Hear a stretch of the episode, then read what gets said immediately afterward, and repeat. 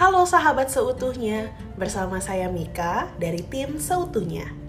Dalam episode ini, kita akan membahas mengenai tips for teachers to deal with ADHD students. Beberapa tips yang bisa kami sampaikan untuk guru-guru semua dalam menghadapi siswa-siswi ADHD. Hmm, menarik sekali Gimana cara menghadapi siswa-siswi ADHD di kelas? Yuk kita simak podcast berikut ini.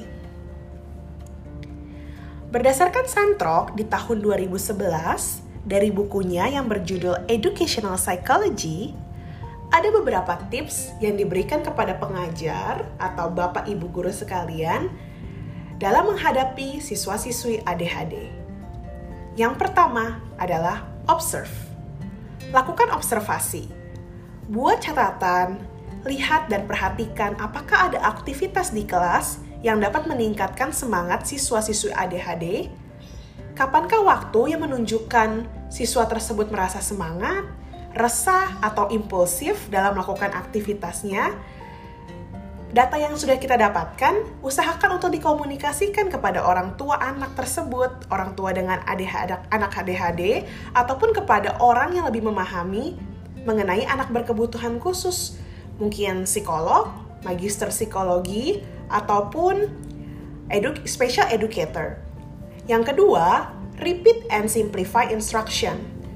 Usahakan untuk memberikan pengulangan instruksi secara berkala dan menggunakan bahasa yang sederhana sehingga anak ADHD dapat memahami instruksi tersebut dengan baik.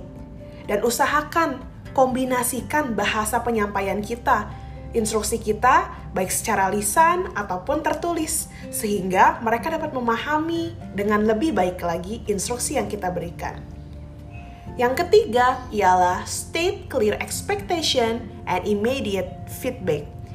Setiap ekspektasi yang akan diberikan oleh guru kepada siswa, tentukan ekspektasi tersebut. Berikan ekspektasi yang jelas antara pengajar dan juga anak ADHD, sehingga mereka tahu apa yang harus dicapai dalam setiap pembelajaran yang mereka jalani. Dan untuk setiap hal yang dilakukan oleh anak ADHD, usahakan untuk memberikan feedback umpan balik agar anak dapat memahami apa yang sudah mereka lakukan benar atau salah ya. Dan jika belum benar, motivasi anak untuk terus mengimprovisasi diri dan belajar lagi, tingkatkan semangat mereka sehingga mereka dapat mencapai hal yang lebih baik lagi di tugas dan pembelajaran berikutnya. Yang keempat ialah provide chance for students to get up and move around. Sediakan waktu kepada siswa-siswi ADHD untuk dapat berdiri dari kursinya dan melakukan peregangan di sekitarnya. Dikarenakan duduk dengan tertib merupakan tantangan tersulit yang harus dihadapi oleh siswa ADHD. Daripada mereka harus duduk dan tidak berkonsentrasi selama pelajaran berlangsung, berikanlah mereka sedikit waktu sesuai dengan perjanjian yang disampaikan oleh guru dan anak. Mungkin dengan stretching menggunakan bola kecil ataupun melompat beberapa kali dan berkeliling satu atau dua kali di sekitar kelas dapat meningkatkan konsentrasi mereka dan recharge mereka untuk bisa berkonsentrasi dan duduk lebih tenang dan bisa mendengarkan dengan lebih baik lagi. Yang kelima ialah bagi tugas dalam beberapa segmen. Kesulitan anak ADHD ialah konsentrasi, tetapi bukan berarti mereka tidak mampu mengerjakan tugas mereka mampu dan dapat mengerjakan tugas dengan sangat baik. Namun, harus ditentukan strategi dan cara yang sedikit dimodifikasi. Bagi tugas yang sama, bebannya dengan siswa-siswi normal, namun bagi tugas tersebut ke dalam beberapa part dan minta mereka, anak ADHD, untuk mengumpulkan dalam waktu yang berbeda mungkin atau dengan metode pengerjaan dan pengumpulan tugas yang berbeda. Tantang mereka dengan cara mereka sendiri, bukan dengan cara anak normal. It's not fair. Oke, okay?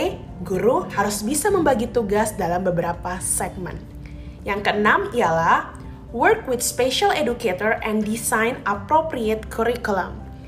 Konsultasikan bertukar pikiran, belajar lebih banyak lagi, mengenai anak berkebutuhan khusus atau anak ADHD, komunikasikan itu kepada orang yang lebih memahami anak berkebutuhan khusus atau ADHD. Desain pembelajaran dengan lebih menarik sehingga anak ADHD memiliki semangat untuk belajar dan merasa diterima di kelas. Konsultasikan itu kepada orang yang lebih memahami anak berkebutuhan khusus, baik itu special educator, magister psikologi ataupun psikolog. Tentukan yang tepat kurikulum yang bisa dicapai oleh anak ADHD. Bukan karena mereka tidak bisa, tetapi terkadang tidak sesuai dengan apa yang harus mereka pelajari. Ingat, kita tidak bisa mendiagnosa, kita sebagai kaum awam, sebagai guru tidak bisa mendiagnosa anak tersebut sebagai anak ADHD. Kita sudah tahu mereka adalah anak ADHD dengan tes yang sudah mereka lakukan sebelumnya, yang pernah kita bahas di pertemuan perdana kita mengenai anak berkebutuhan khusus. Nah, tadi itu sudah ada 6 tips yang kami sampaikan kepada sahabat seutuhnya untuk para guru dan pengajar dalam menghadapi siswa-siswi ADHD. Harus diingat ya, anak ADHD itu pintar, namun terkadang cara penyampaian informasi ataupun metode pengajaran yang kita berikan kepada mereka tidak sesuai dengan apa yang harusnya mereka dapatkan. Jadi, belajar lagi bagi para pengajar Pastikan tips-tips di atas tadi yang sudah kita sebutkan dapat kalian terapkan dan ayo sebagai pengajar improve diri kita. Kita berimprovisasi lagi untuk lebih menyesuaikan dan menyampaikan sesuatu yang sesuai dengan kebutuhan siswa-siswi kita. Terima kasih sahabat seutuhnya sudah mendengarkan podcast kami. Semoga apa yang kami sampaikan dapat bermanfaat ya. Sampai ketemu lagi di pembahasan berikutnya. Hanya di perjalanan seutuhnya. Know, learn, and apply better. See you!